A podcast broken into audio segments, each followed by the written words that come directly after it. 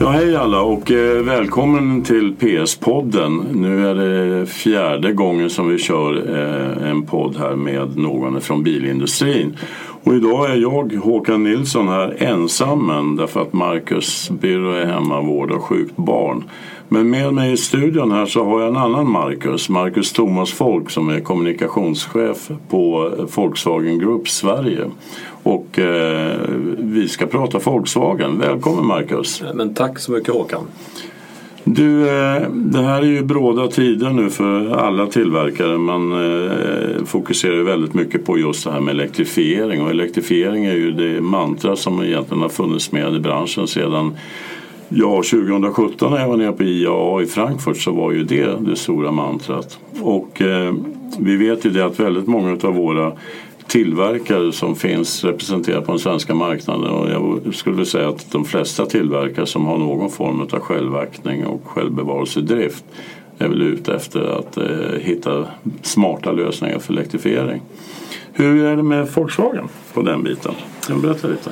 Ja, det är ju väldigt mycket så för vår del. Vi har ju gått in helt och hållet på elbilsspåret. Eh, det är det som, som gäller för oss. Eh, eh, efter 2015, 2016 så bestämde ju vi oss för att vi ska bli ledande på elbilar helt enkelt. Och vi hade ju elbilar innan också. Vi har ju haft, om man går långt tillbaka i tiden så har vi presenterat elbilar från vår koncern. Vi kan gå tillbaka ända till förra sekelskiftet när eh, Låner Porsche eh, presenterades och byggdes av vår grundare Ferdinand Porsche. Och det var ju en elbil som kunde gå fem mil på el faktiskt. Men marknaden var ju inte alls mogen för den här typen av bilar då utan det blev ju förbränningsmotor som, som tog över och som mm. egentligen har dominerat under lång, lång tid. Mm. Men nu har vi ju de utmaningar som vi har eh, när det gäller eh, klimatfrågan och eh, vi har ett Parisavtal som eh, Volkswagen då har committat sig till. Det här är vår ledstjärna. Vi ska se till att leverera och att eh, sänka våra utsläpp och gå mot egentligen en helt koldioxidneutral eh, mobilitet. Mm. Det, det, är vår målsättning. Ni har ju en ganska aggressiv strategi för detta och jag menar det, man tittar på, på Eh, vi hade ju med en av era eh, skarpaste konkurrenter kanske inom det segmentet just nu eh, i förra, i förra podden här. Och de har ju en väldigt hög ambition att komma eh, in på marknaden med, med ett stort antal elektrifierade bilar. Vi pratar både laddhybrider och rena elbilar. Och ni har ju varit eh, här under, under de senaste eh, två eller tre åren så har ni väl legat i topp med, med Passat GT. Men eh, nu har ni halkat efter lite grann. Ja, Passat GT när den kom, den blev ju snabbt en storsäljare. Det var ju precis den bilen som många ville ha. Alltså den passar ju Sverige väldigt bra. Eh, en, en större kombi. Det är ju verkligen någonting som svenska kunder efterfrågar och, och under förra året eh, och även tidigare då så var ju det här Sveriges mest sålda laddhybrid. Ehm, och inte bara Sveriges mest sålda laddhybrid utan Sveriges mest sålda ehm, ja, som det hette tidigare då, supermiljöbil. Sen har man ju ändrat det här till klimatbonusbil och efter halvårsskiftet. Ehm, det som har skett då är att Eh, det införs en ny körcykel inom EU som man kallar för VLTP. Och det här var ju någonting som man bestämde sig för att göra för att eh, konsumenterna skulle få en uppfattning om mer verklighetsnära, produktion, äh, inte produktion utan förbrukningssiffror. Mm. Det där har ju varit någonting som har kritiserats ganska mycket. Så då bestämde man sig för att införa en ny testkörcykel som skulle ge mer rättvisande värden kan man säga. Mm. Och det här förändrar ju också då utsläppsvärden och så vidare allt det här innebär att alla modeller måste ju testas och godkännas enligt den här nya körcykeln. Och vår mm. koncern har ju ett väldigt omfattande modellprogram. Så det här är tidskrävande och det här gjorde då att under förra året så blev det dels på grund av det eh, ett stopp i, i produktionen för att man, man eh, skulle få igenom alla de här godkännandena.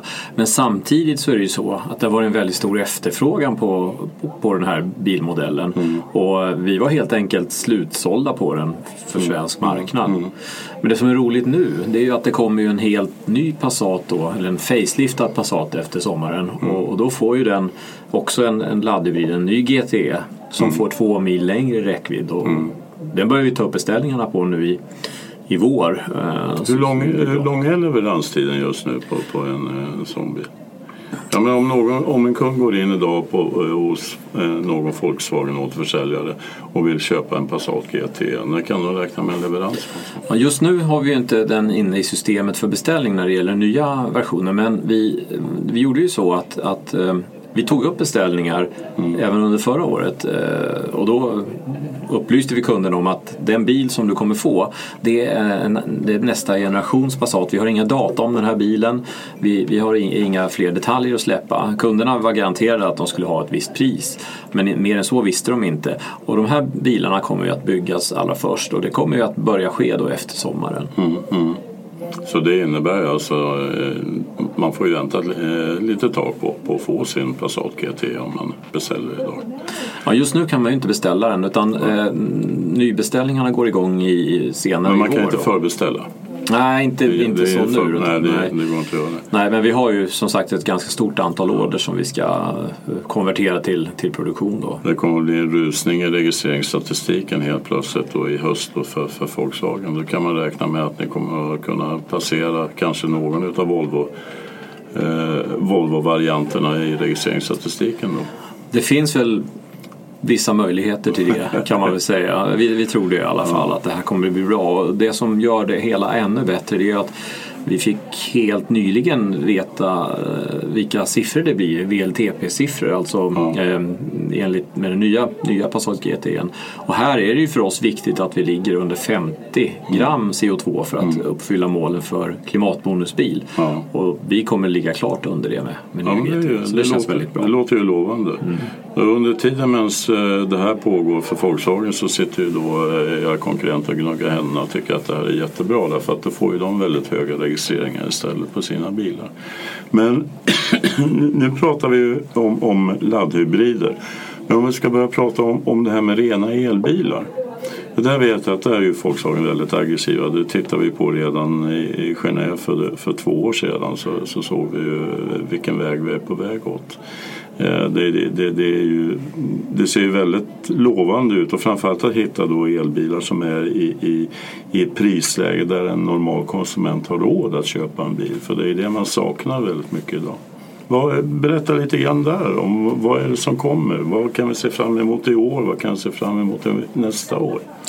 Ja, vi är precis nu i inledningsfasen av vår stora elbilsoffensiv och, och det här det, det är ju så att red, ja, det är inte alls länge sedan egentligen som vår koncern till och med förbättrade då prognosen för hur många elbilar vi ska eh, lansera. Och fram till 2028 så ska vi nu då, eh, har man sagt, eh, lansera 70 helt nya eldrivna bilar. Det är en hel del. Det är en hel del och det, kräver ju naturligtvis mycket. Det kräver mycket investeringar. Ehm, och där har vi sagt att vi investerar fram till 2023 44 miljarder euro i ny teknik och 30 30 miljarder av de här är kopplat till elbilarna. 30 herregud. miljarder euro alltså. Herregud, det är alltså, vi pratar nationalbudgeten nästan. Ja, vi ligger på väldigt höga nivåer i alla fall. ja, det är otroliga pengar. Så så är det och eh, det vi också har sagt då är att vi, vi tror oss att kunna fram till eh, ja, 2028 ha byggt och, och sålt ungefär 22 miljoner eldrivna bilar. Um, och det är i det lite längre perspektivet. Men det som sker just nu då det är att vi står ju precis inför att vi ska börja med förförsäljningen av vår nya ID. Mm. Eh, vår nya ID det är lite som du var inne på då. Det är ju en bil som har en lång räckvidd. Den kommer att få, man kan få den i olika, eh, med olika räckvidd då, från 35 till 55 mil. Mm. Den kommer att vara attraktivt prissatt. Vi har inget pris klart ännu men den kommer att kosta mindre än någon annan motsvarande elbil på marknaden i alla fall, det kan vi säga. Det så att, och, och, det här tror vi kommer ändra bilden ganska mycket. Det har ju varit en tydlig ökning av laddbara bilar, det har vi ju sett i registreringsstatistiken. Men det här eh, menar vi då, det här kommer att göra att, att eh, e-mobiliteten blir tillgänglig för många. Alltså mm. det blir på bredden. Uh, och den 8 maj som sagt då, då öppnar vi orderböckerna uh, eller ja egentligen förhandsbeställningarna börjar vi ta upp mm. för den här nya mm. ID. Och sen är det världspremiär i Frankfurt i höst och mm. leveranserna, produktionen går igång mot slutet av året med leveranserna under, under nästa år. Då. Mm. Ja, 2020 verkar ju kunna bli ett år som är ganska intressant just när det gäller det här med elbilar för det är många tillverkare som har siktat in sig på just 2020 som, som det året när, när man vände fokus ganska ordentligt. Eh, jag, jag gillar det här med elbilar. Jag, jag, eh, vet att många av mina kollegor också tycker väldigt mycket om det här med elbilar. Det finns vissa som kanske eh, pratar lite illa om det här med just den smutsiga tillverkningen av elbilar. Vi pratar batteritekniken, det som krävs för att man ska kunna skapa dessa batterier som klarar av de här räckvidderna som man har. Hur, hur, ser det ut på den fronten? Jag menar, vi, allting går ju framåt, tekniken går ju framåt men hur ser det ut med batteritekniken? Hur jobbar Volkswagen på den? Det där är en jätteviktig fråga, väldigt eh, relevant också. Eh, därför att vi har ju sagt så här att man kan ju inte bara se till vad bilen genererar för utsläpp vid körning. Det är en stor del av utsläppen naturligtvis och en elbil har ju inga lokala utsläpp, den har ju alltså nollutsläpp. Men det finns ju andra delar i bilens livscykel som, som genererar utsläpp. Ehm, och det är ju egentligen från början, från det att du mm. ska ta fram råvara och, och ha kontrakt med underleverantörer till produktion och vidare fram till att bilen ska, ska skrotas då. Mm. Och det vi har sagt nu, och det är inte så länge sedan faktiskt som vi gick ut och berättade mer om det här, det är ju att uh, den här nya ID, det kommer bli då världens första koldioxidneutrala elbil, eller bil kan man ju säga då. Och vad menar vi med det? Jo, då har vi sagt så här att de avtal vi skriver med våra underleverantörer då måste de garantera att i deras process så använder man enbart förnybar energi när man mm. framställer eh, råvara eller när man framställer då det material som krävs för att bygga bilen. Mm. Och vi tar samma ansvar i våra fabriker. Nya ID kommer byggas i vår fabrik i Zwickau i Tyskland. Och även där så är det förnybar energi som gäller. Mm. Eh, sen så är det ju så att eh, när vi lämnar över bilen i, i kundens hand då har ju kunden naturligtvis eh, en stor påverkan. Och det här beror ju väldigt mycket på vad det är för typ av energi man man laddar bilen med. Precis. Och det ser väldigt olika ut i Europa hur mixen av förnybart är. Mm. Eh, Sverige är ju ett av de bästa länderna här. Vi har ju väldigt hög andel än, än så länge. Men om, om antalet elbilar ökar på den svenska marknaden så innebär det att vi är fortfarande är tvungna att använda el som vi köper från andra länder. Vi köper från Tyskland bland annat. Och den är ju inte speciellt ren den elen för den, den framställs Eh, via kolkraftverk och så vidare. Men, men eh, det, det, här, det här ställer ju stora krav på era underleverantörer och, och eh, stora investeringar för en omställning för att kunna eh, bli leverantör till, till, till Volkswagen också. Ja, så är det ju. Men jag tänkte om jag bara ska fortsätta på hela kedjan här. Det här med att kunden eh, köper den här bilen då.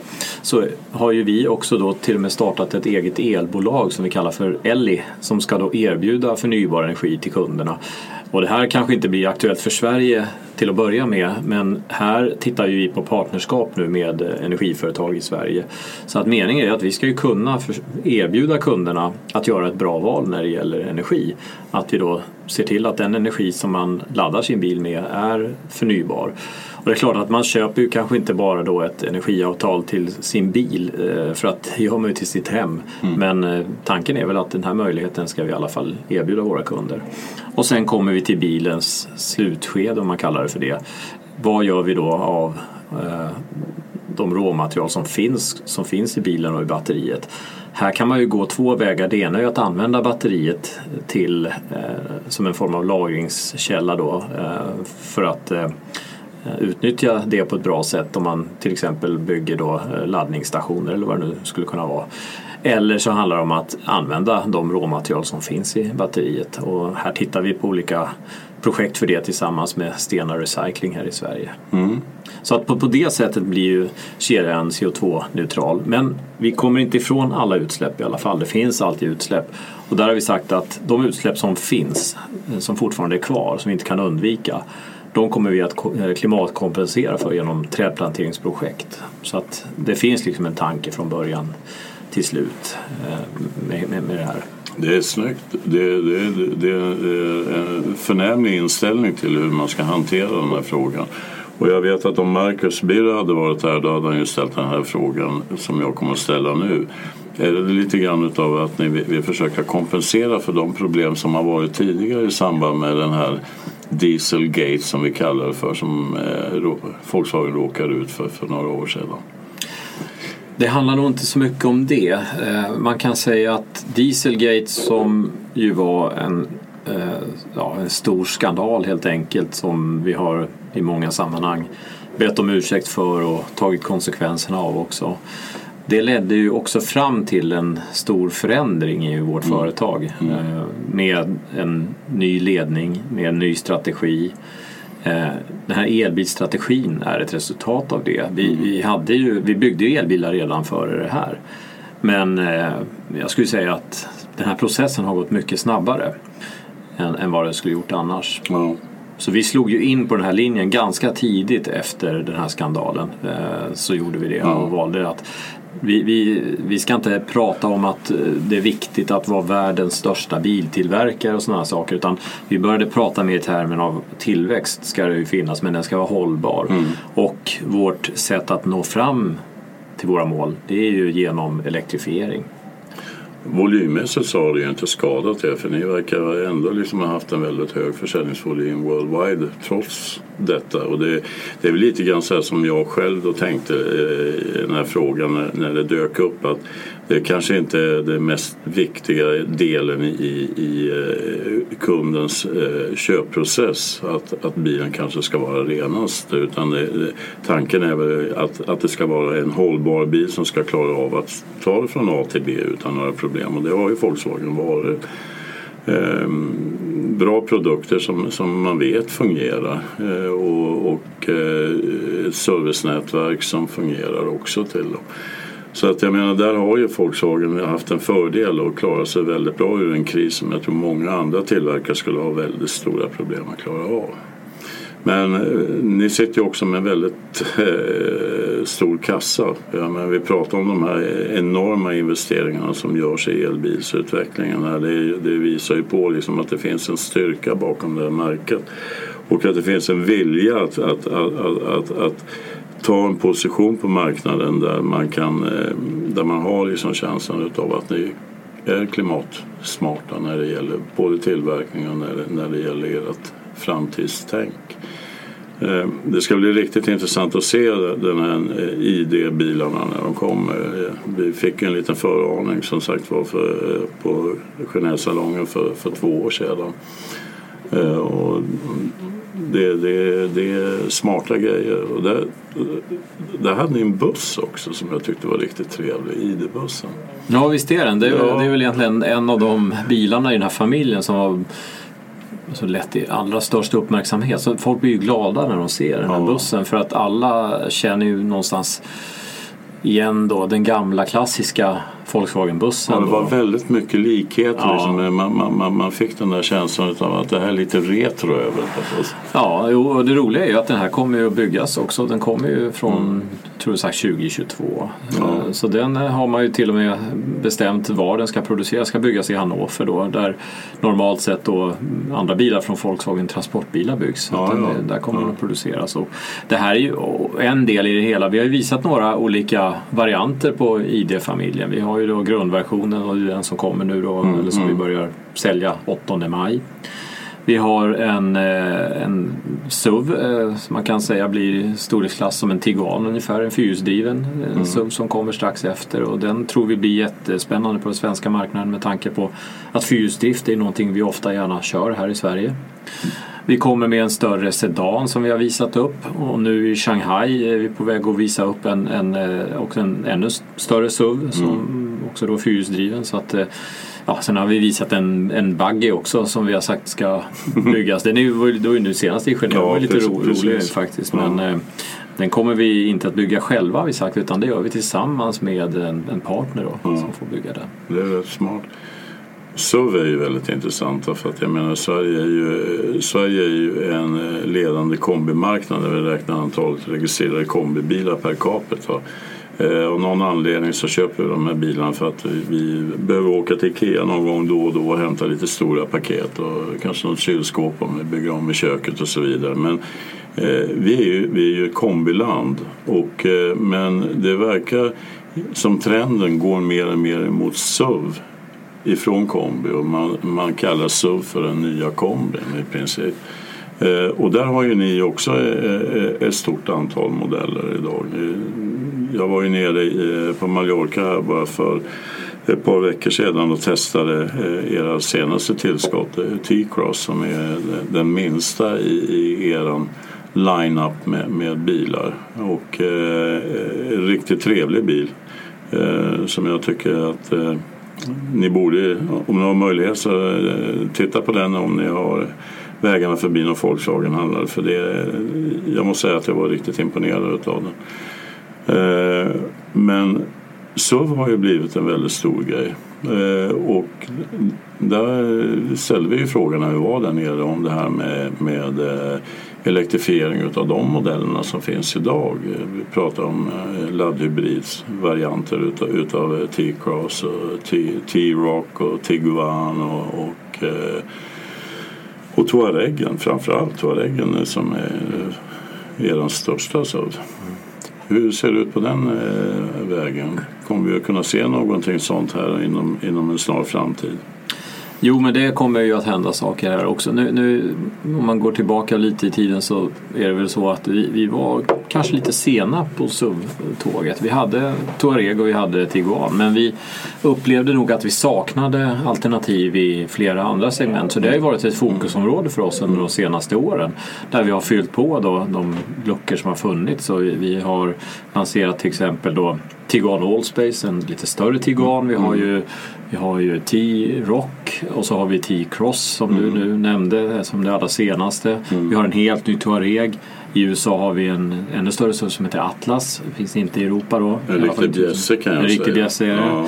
Men elektrifiering, ja. En, en uh, Touareg som laddhybrid finns redan i Kina uh, och planen är att den ska också komma till Europa.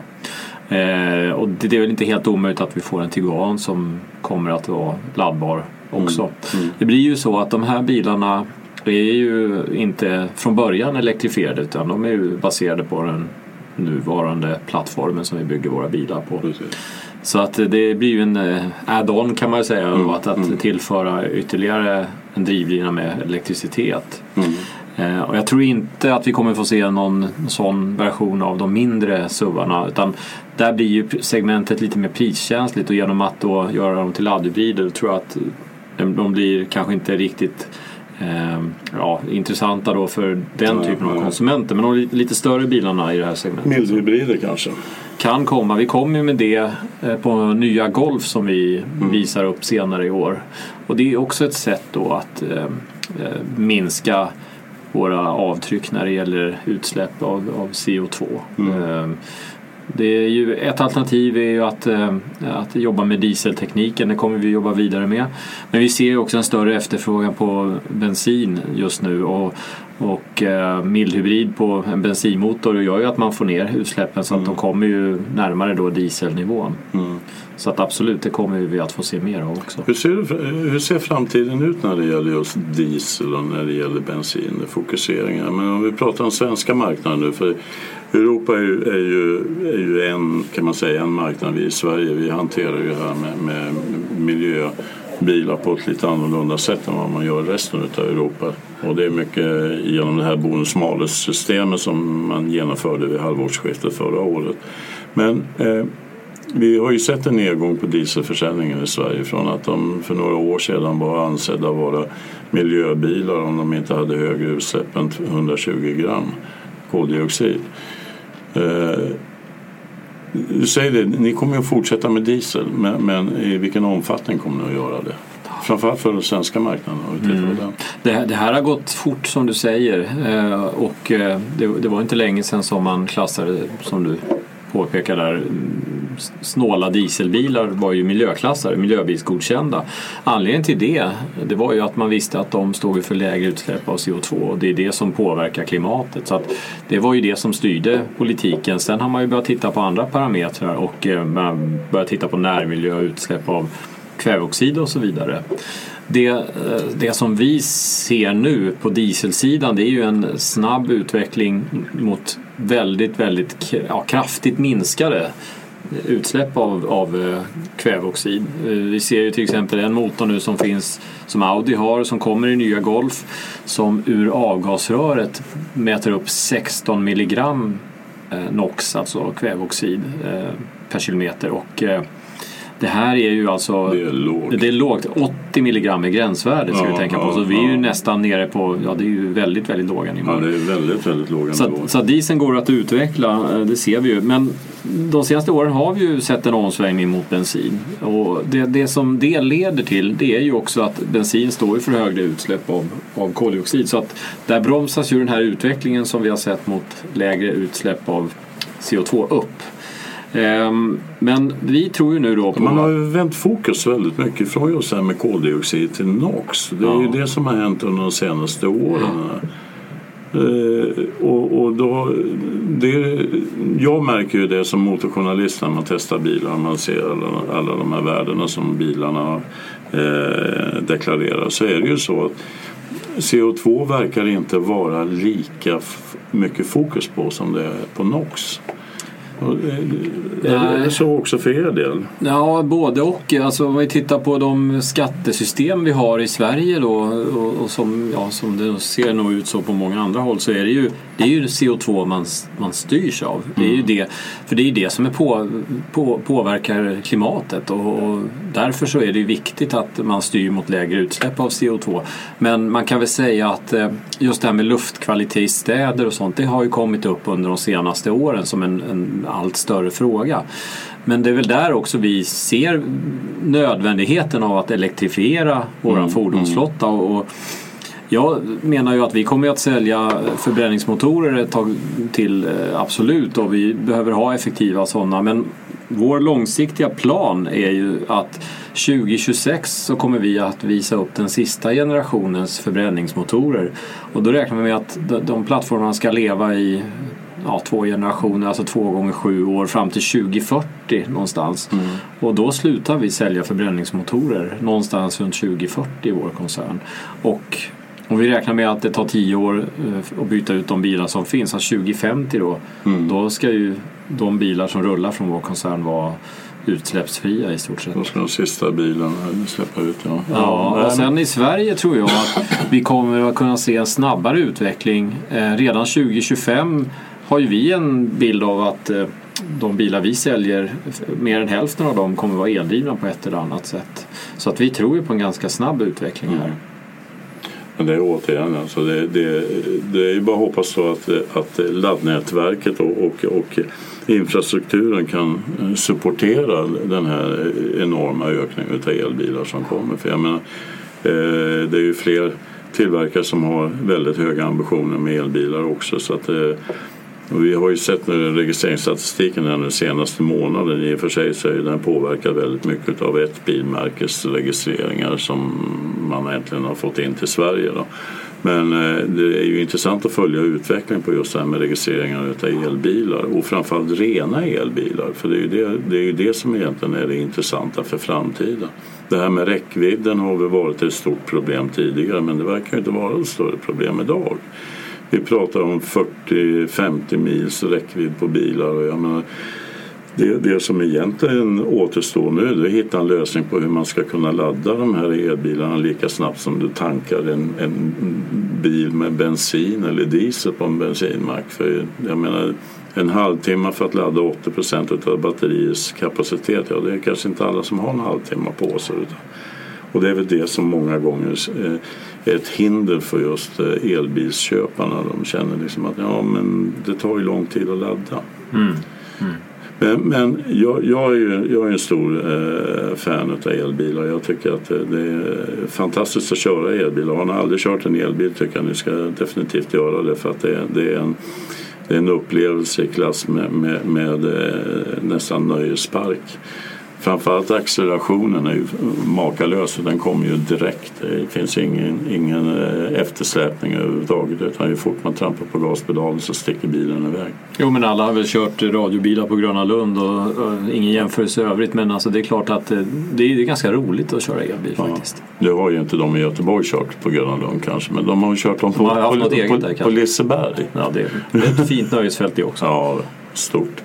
Eh, från en sak till en annan. Eh, det var ju 45-årsjubileum i år. Golfen.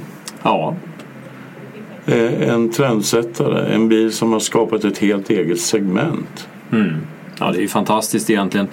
Det är, eh, alltså, det är ju ganska kul att prata om golfen just nu eftersom vi är inne i det här skiftet som vi, som vi pratar om just mot elektrifieringen. Det, det där var ju ett annat skifte egentligen när golfen kom. Um, Volkswagen var ju egentligen får man nog säga det bilföretag som satte världen på hjul på riktigt. Alltså som mm. skapade en bil som blev tillgänglig för många och som, ja, jag tror att pratar man med med de flesta människor så har alla eh, någon sorts relation till den gamla bubblan som var med på den tiden. Ja, på ett eller annat vi sätt. hade ju det i min familj. Mm. Jag kommer ihåg den gamla bubblan. Det fanns ett fack bakom baksätet eh, där man kunde sätta sig som barn och, och det var jättekul liksom att gömma sig där bakom när mamma och pappa var ute och körde. Det var, det var jättetrafiksäkert verkligen. Ja, verkligen. Ja. Vi tänkte vi inte så mycket på de Nej, bitarna på den tiden. Ja, men folk satt och rökte i bilarna och satt och körde utan bilbälte. Och, eh, backspegel fanns bara på ena sidan på bilen. Och, ja, det, och halvljuset det var ju knappt så att, eh, så att det skulle kunna lysa upp en, en, ett vardagsrum.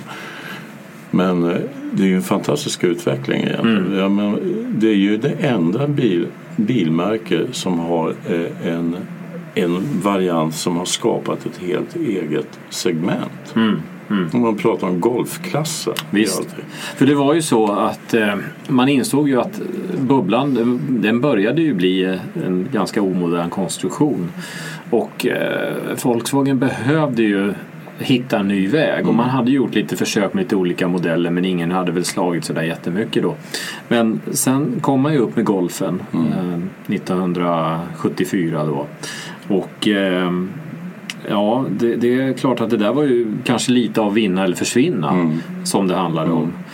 Men eh, vi vet ju facit idag. Vi, vi, golfen eh, finns ju fortfarande som en väldigt stark modell har som du säger skapat en helt egen klass. Mm. Så att det där var ju någonting man, man lyckades bra med och jag tror att golfens storhet den ligger nog väldigt mycket i att den går hem i alla klasser. Alltså det, det, du kan hitta en golf var som helst. Du kan hitta den på garageuppfart i ett eh, välbärgat villaområde. Du kan hitta i någon förort någonstans. Alltså det funkar i alla lägen på något ja. sätt. Och den är lagom stor. Du kan få med dig bagage. Du kan ha den som familjebil och så vidare. Den är så mångsidig. Mm. Sen har vi den i så många olika versioner. Vi har ju en kombiversion, vi har en lite högre version. Det finns massa olika motoralternativ och olika drivlinor. Så att, jag tror att man kan nog lätt säga att det finns en golf för alla egentligen. Jag har ju haft fyra stycken golfar genom, genom åren och det är fyra olika eh, generationer som jag har gått igenom med golf. Och eh, jag måste säga det att det, är få bilar som är lika kul att köra som just Golf GTI. Och det är ju de jag har haft. Min första Golf den köpte jag eh, 1978 var det. Och det var en Golf GTI generation 1. Och, eh, och faktum är när jag tänker efter, jag har fem stycken, för jag har haft två stycken generation 1 för jag köpte de sista, sista modellerna som kom ut utav, utav eh, Golf GTI generation 1 Den köpte jag från Volkswagen på Lindhagensplan. Mm. Klassisk återförsäljarmark. Klassisk återförsäljarmark och den tog jag direkt till ett ställe uppe i Sollentuna som inte längre finns som heter Automode och byggde om hela bilen med så kallat sänderpaket. Det var ju så väldigt populärt då på den tiden att man skulle, bilarna såg ut som sockerbitar. Det här var en vit bil. Så den var nedlackad helt och hållet och eh, utrustad på ett väldigt fint sätt. Och den gick vidare till, till han som var VD för, för Fruit of the Loom i Sverige som eh, använde den för lite olika events när de var ute. Så att han hade en uppstripad med Fruit of the Loom. Vet du var den finns idag? Har ingen aning om var den finns idag. Det skulle vara rätt kul att veta var den finns för den var riktigt, riktigt läcker. Mm. Eh, men jag, jag har ju alltid gillat Eh, golf eh, och framförallt Golf GTI då, som, eftersom jag har lite tung högerfot emellanåt. Och, eh, men jag har ju kört andra märken också som är i klass med den och, och faktum är det att, att det hettar till i det segmentet mm. från många tillverkare. Och, och, och, det som är intressant är att det hettar ju till inom Volkswagen-gruppens led också när det gäller den här typen av bilar. Mm. Eh, spanska eh, divisionen som har en bil som också är fruktansvärt trevlig att köra. Eh, hur fungerar, och det leder mig in på en fråga när det gäller just det här med konkurrensförhållandet på marknaden. Ja, men Volkswagen-gruppen, ni har, ju, ni har ju ett antal märken. Ni jobbar idag med, med Volkswagen, det är Skoda, det är Seat, Eh, det är Audi och det är Porsche. Mm, mm. Konkurrensen mellan de här olika märkena in, i er egen portfölj måste ju vara stenhård. Ja, det är klart att så kan man ju också se det. Samtidigt så eh, finns det ju en del andra märken utanför vår grupp som vi också vill gärna konkurrera med. Framförallt konkurrera med skulle jag säga. Och det som det handlar om för vår del, det är väl, och det som är beviset på att det lyckas också, det är ju faktiskt att alla våra märken eh, över tid har ju ökat sin produktion och försäljning. Mm. Det gäller ju samtliga märken mm. faktiskt. Eh, och det här är ju så att eh, man som varumärke måste kunna ha olika erbjudanden till sina kunder. Eh, så att, eh, det handlar ju inte om att ett märke då saknar en viss modell och så säger man nej men då får du gå till det andra märket istället. Utan jag menar, Seat-kunden vill ju kunna erbjuda sin, eller Seat vill kunna erbjuda sina kunder en, en bred modellpalett precis som Volkswagen vill kunna erbjuda det till sina mm. kunder. Så att eh, vad vi har gjort mycket är att vi har jobbat med våra olika varumärken och uh, fyllt dem med, med innehåll. Mm. Eh, vi har ju synergier i vår produktion och det kommer vi jobba vidare med också i och med att vi eh, ibland också bygger olika modeller från olika märken i samma fabriker och vi försöker hitta sätt att, att göra det här på ett så bra sätt som möjligt. Men ändå att kunden ska ha en upplevelse att, att det finns en känsla i varje varumärke. Mm, mm. Och det gör det ju, för det finns ju en stolthet i Barcelona att, att, att jobba med, med varumärket Seat för de som bygger bilar mm. där. Och det, det, finns det i Wolfsburg för de som bygger Volkswagen. Eh, och sen om bilarna produceras på olika platser så är de ju ändå utvecklade av respektive märke. Det byggs ju och i Wolfsburg också så att, ja, det är ju rätt intressant hur, hur, hur man delar upp produktionslinjerna med varandra. Men alltså konkurrensen mellan märkena är, är ganska stor. För jag, jag, vet, jag har pratat med några goda vänner till mig som har varit intresserade av att köpa, köpa bilar. Och de har pratat Volkswagen, de har pratat Skoda, de har pratat Seat. Och, och, eh, för mig att kunna rekommendera dem att vad de ska köpa för någonting är väldigt, väldigt svårt därför att det är väldigt likvärdiga produkter men de, de ändå representerar någonting specifikt för märket. Mm. Jag menar, Volkswagen, det vet vi ju alla liksom, hur en Volkswagen är. Under, under en period så kändes det väl att det var lite könlöst därför att de var väldigt lika varandra alla bilarna. Men på, på, på, något sätt både när det gällde eh, detaljlösningar interiört och exteriört. Men det, det, det, jag känner liksom att det finns en, en det finns en själ och en profil i varje märke. Och för mig så är ju Volkswagen, det är, det är ju när man har växt upp med märket så har det ju blivit liksom att man, man har ju vänt sig dit mest utav allt när det gäller just den här storleken utav bilar. Som Golfen bland annat som, som vi pratar om här. Men eh, det är ju, konkurrensen är ju stor. Den är ju, konkurrensen är ju, ökar från koreaner, de ökar från japaner, de ökar från, från från eh, andra tyska tillverkare också som kommer med nya modeller här under det kommande året. Så det, det är ju det är tufft. Det är en tuff marknad och det, ni har ju ändå en position idag i Sverige som näst största bilmärke på den svenska marknaden och Golfen är ju fortfarande en av de toppsäljande bilarna på den svenska marknaden. Mm, vi hade faktiskt tre bilar på tio i topplistan under förra året. Passat, Golf och Tiguan. Ja. Ja, det, det, det är häftigt. hur ska ni kunna klara av att behålla den positionen nu när, när de andra tillverkarna börjar trycka på underifrån och blir, blir, eh, har ambitioner att ta ännu mer marknad? Vi vet att det här är ju Sverige är en ganska liten marknad egentligen. Vi har ju gått igenom här nu fem år av ökad försäljning och ja, börjar väl komma till den punkten nu att marknaden är lite grann mättad. Och dessutom är vi på väg in i en lågkonjunktur. Och då kommer det krävas mycket mer när det gäller just vad vi kallar för de mjuka värdena runt omkring själva hårdvaran för att kunna motivera konsumenterna att köpa just det märket. Hur tänker Volkswagen på den biten? Ja, det är många delar i det här. Dels är det ju själva produkten och där vet ju vi att vi har produkter som passar väldigt bra för den svenska konsumenten. Och det som var roligt tycker jag under 2018 det var ju att vi gick upp i topp när det handlar om privatförsäljning. Alltså när kunden själv väljer bil, inte tjänstebilar. Då. Vi är starka även där. Men, men eh, just när kunden betalar bilen med sin egen plånbok så gick vi upp i topp där som Sveriges största bilmärke. Och det säger ju en del om att vi har då ett erbjudande erbjudande som många kunder gillar. Men, är, det, är det kopplat mycket till eh, privatleasing ja, som har det, blivit eh, en jättestor grej i Sverige? Ja, det, det är en viktig del ja. i det hela. Det har ju vuxit kraftigt naturligtvis. Har det påverkat företagsförsäljningen så att eh, man har sett liksom att företagsförsäljningen har sjunkit och privatleasingen har ökat? Mm. Ja, kanske inte riktigt så. Däremot så ser man ju skillnader ibland i företag att, att en del går över från tjänstebilar till personalbilar. Det är mm. lite annorlunda upplägg så sånt kan vi ju se naturligtvis. Men det som jag tror är nyckeln till vår fortsatta, eller vår nuvarande och vår fortsatta framgång det är ju att vi har ett helhetserbjudande. Alltså vi har en stark organisation med återförsäljare som finns över hela landet och även då på servicesidan vilket ju är jätteviktigt att vi har eh, bra täckning när det gäller verkstäder. Eh, för man, man måste ju tänka på att det ska fungera under den, hela den period som man äger en bil.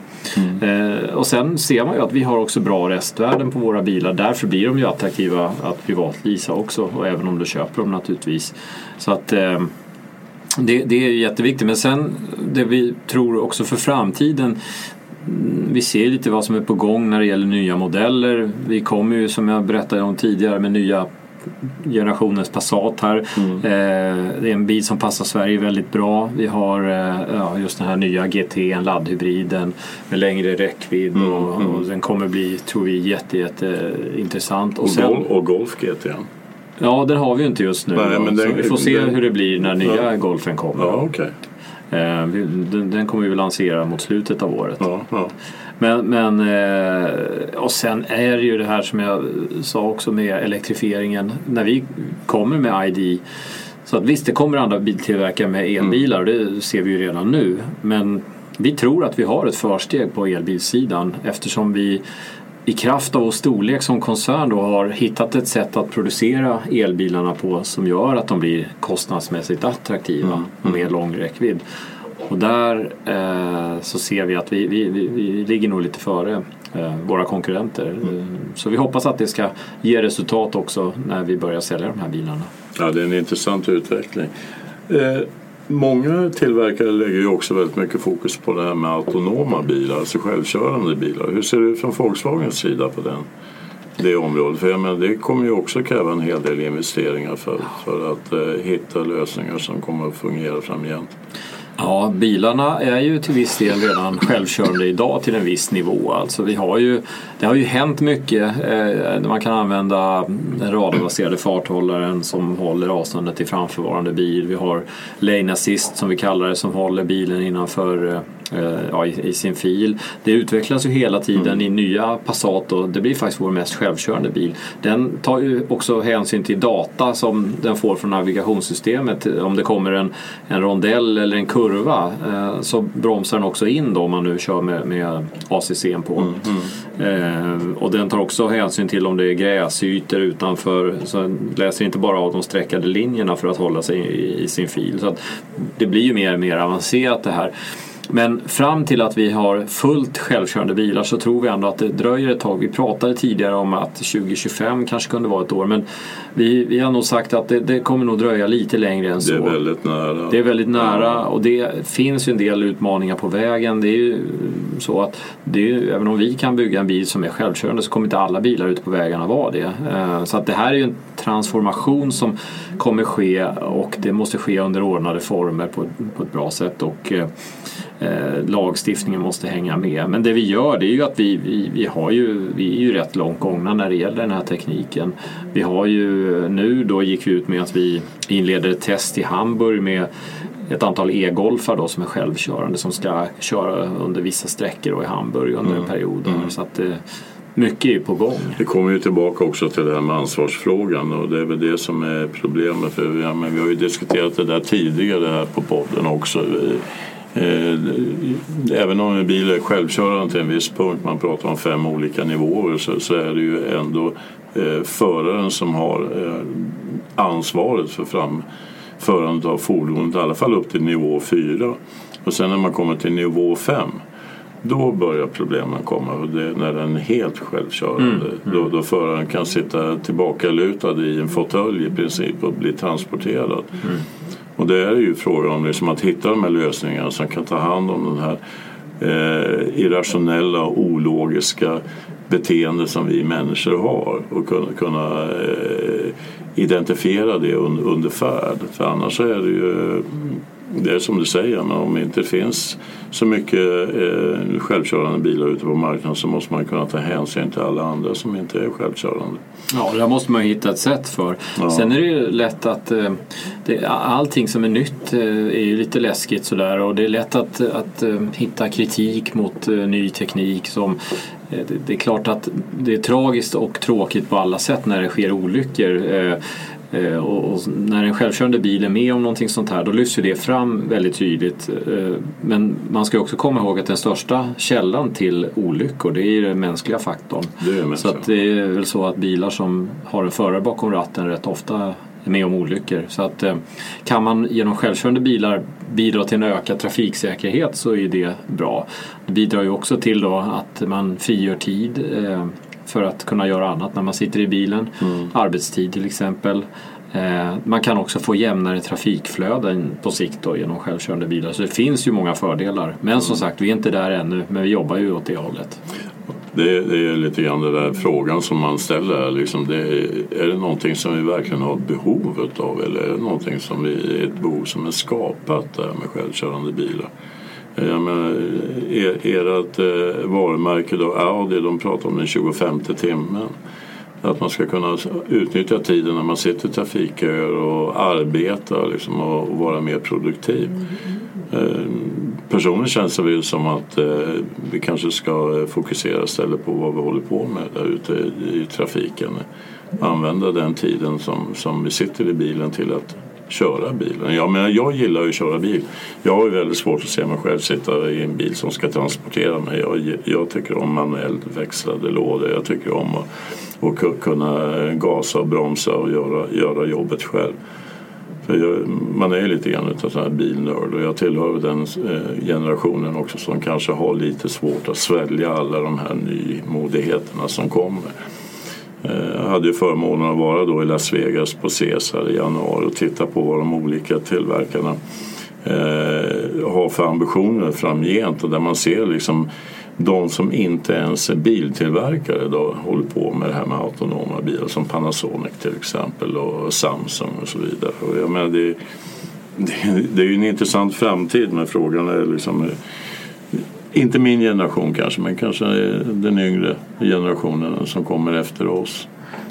Mm, ja, vi får det, se. det är liksom ett erkännande att man börjar bli lite gammal. men, det, Men å andra sidan Håkan, om du tänker, om någon hade frågat dig för 15 år sedan om du skulle mm, sitta och boka din resa i din telefon så hade du näst, nästan skrattat åt det och tyckt att det har du väl inget behov av eller vad det nu kan vara. Alltså det är många saker som man, man kan ju fråga sig vad är ett behov egentligen, vad är ett skapat behov och det är klart att jag tror allting som på något sätt där man ser själv en nytta som kan underlätta folks vardag och kanske bidra till en ökad säkerhet eller vad det nu kan vara. Där har man ju en möjlighet och jag tror att många upplever idag att de spenderar ganska mycket tid sittandes i bilköer eh, där man eh, egentligen bara, ja det är mycket tid som går åt till det. Men om man skulle kunna använda den tiden till någonting annat och sen kan man ju välja själv om bilen är självkörande eller inte så att när man vill ta den där trevliga turen ut på på landet eller vad det nu är eh, så kör man bilen själv helt enkelt. ja. Och när man, när man åker genom eh, småländska höglandet på E4 söderut eh, mot Europa så kan man ju eh, sitta tillbaka och bara koppla av och låta bilen köra. Ja, jag tror att valmöjligheterna kan öka rätt ordentligt eh, på sikt. Ja. Så att jag tycker det är en spännande utveckling. Jo, men visst är det en spännande utveckling. Det är ingen snack om den saken. Och, det, det, och utvecklingen går ju faktiskt väldigt fort framåt. Jag menar, det, det är ju som allting annat. Jag menar, eh, gå tillbaka till, till eh, gå tillbaka till 90-talet. Man pratar om det här med internet och det fanns ju väldigt mycket tveksamheter inför vad vi kunde göra med internet. Idag är det ju vedertaget. Idag sitter i princip alla och gör sina bankaffärer via nätet. Så att, jag menar, det, det, det är ju en utveckling som går väldigt fort även inom bilbranschen och kräver väldigt mycket investeringar, mycket resurser. Och, det, Så är det och sen alla de här förändringarna också i lagförslag som läggs och regelverk som ändras hela tiden. Det ställer ju också väldigt stora krav på tillverkaren att man hänger med och att man har en, en ekonomi som klarar av att hantera de omställningar som, som ställs, de krav som ställs på, på, på tillverkaren. Jag menar, det är ju, vi ser ju här eh, förändringarna när vi pratar om det här med utsläppsvärden och vad som, kommer att, eh, vad som är då eh, en miljöbil idag som inte alls var en miljöbil för fem, sex år sedan. Jag menar, det, det, det, det, vi, vi, har, vi har en förändringsprocess som pågår just nu som är, är ganska snabb och det gäller liksom att tillverkaren riktigt är med på, på, på de här förändringarna. Och Volkswagen verkar ju vara en av de som verkligen har tagit tag i det här och jobbar väldigt hårt på, på, på en snabb utveckling. Ja, vi har ju inget val egentligen. Om vi ska vara relevanta för framtidens kunder då måste ju vi se till att leverera en mobilitetslösning, en bil eller en tjänst kombinerat då eh, som är anpassad efter den kundens önskemål och den, de krav som ställs också på oss som biltillverkare. Så att eh, det har vi ju tagit till oss ganska tydligt. Det är därför vi jobbar så hårt med tre fokusområden och det är ju elektrifiering av, av bilar. Det är eh, autonoma fordon som vi varit inne på. Det är digitalisering och hur eh, man med hjälp av uppkopplade tjänster kan underlätta sin vardag även i bilen. Så att allt det här blir ju jätteviktigt. Ja, det är ju självklart blir det ju det. Eh, vi var inne på det här med internet och hur vi utnyttjar internet när det gäller eh, olika typer av eh, privata grejer. Där. Men vi, vi gör ju bankaffärerna där vi, vi hand, eh, använder internet för, för väldigt mycket kommunikation. Hur kommer framtidens bilhandel att se ut? Hur ser ni på den biten när det gäller att använda internet som en försäljningskanal? Vi gör ju det redan idag faktiskt. Vi, för något år sedan öppnade vi upp för möjligheten att kunna göra, alltså klicka, eh, sin, göra sin beställning på nätet genom ett klick egentligen då, hela vägen. Och det har vi eh, hyfsat många kunder som har gjort. Men det är klart att det stora flertalet kunder de använder ju nätet till att skaffa sig kunskap. När de kommer in till bilhallen idag så har de ju kommit ganska långt i sin process. De vet ju mycket väl vad det är de är ute efter och, och de har ju till och med byggt den här bilen på nätet och tittat på färger och fälgar och eh, alla möjliga konfigurationer. Men vi vet att det här kan ju komma att förändras ytterligare. Ehm, Även om jag lyssnade på en, en, forskare här som är duktig på, på just bilbranschen och tolka framtidssignaler. Han menade att någonting som står fortfarande lite utanför den här trenden att eh, göra köp på nätet, det är just bilar. Han mm. trodde att det skulle ta lång tid men vi förbereder ju oss för att det här blir en ökning kring det här också. Och det innebär ju att vi har skrivit nya kontrakt med våra återförsäljare för att anpassa oss och dem inför en framtid som, som blir mer digital helt enkelt. Mm, mm. Men vi tror ju fortfarande att återförsäljarna kommer ha en väldigt viktig roll. Jag menar, någonstans så, så är ju en bil det är någonting man vill klämma och känna på. Man vill sitta i den och återförsäljarna blir viktiga där. Och det blir ju också en trygg partner när man då eh, ska hämta ut sin bil och när man ska serva den och så mm. vidare. Så de har ju en viktig roll också framgent. Bilen är ju en upplevelseprodukt. Man vill ju klämma, känna, provköra och så vidare. Så att det, det eh, Eh, vi har ju ta Tesla till exempel som är ett varumärke som jobbar på ett lite annorlunda sätt än vad de flesta andra varumärken gör eh, med, med eh, små butiker i, i shopping malls och närheten utav, utav där konsumenterna är. Och där finns det provkörningsmöjligheter. Sen kan man gå mm. hem och sätta sig på nätet och beställa bilar. Och det där gör ju vi också mer och mer. Vi har ju precis sådana små pop-up stores som vi kan ha på olika platser där vi tycker att det är viktigt att, att vi finns. Mm. För, att, för oss är det viktigt att finnas också där kunderna finns. Men det gör ju också att vi inviger fortfarande nya bilhallar eh, för att just finnas lokalt tillgängliga där vi ser att det finns ett kundintresse. Så att vi, får, vi jobbar på olika spår med det här, det, mm. det gör vi. Marcus, nu börjar det här att dra mot sitt slut och jag tycker det här var jättetrevligt att sitta här och prata med dig och höra lite grann om era tankar och era planer inför framtiden och ser verkligen fram emot de nya modellerna som kommer och framförallt de nya elbilarna som kommer. Mm. Det ska bli riktigt, riktigt kul att se hur det tas emot på den svenska marknaden och hur man kommer kunna klara av infrastrukturen runt omkring för att stödja alla de här bilarna som ni kommer att mm. sälja. Mm. Eh, så Marcus eh, Thomas Folk, jag får tacka för den här nästan timmen som vi har suttit här och pratat. Ja, otroligt vad fort tiden ja, går faktiskt. Tiden går fort när man har kul, eller hur? Absolut, vi hade kunnat sitta här säkert en timme till. Ja, men, men vi kan göra 2.0, det är ja, inga problem. Absolut. Ja. Men nu så har vi ju hunnit med ganska mycket ändå. Ja. Så att jag hoppas att det var intressant att lyssna på det här också.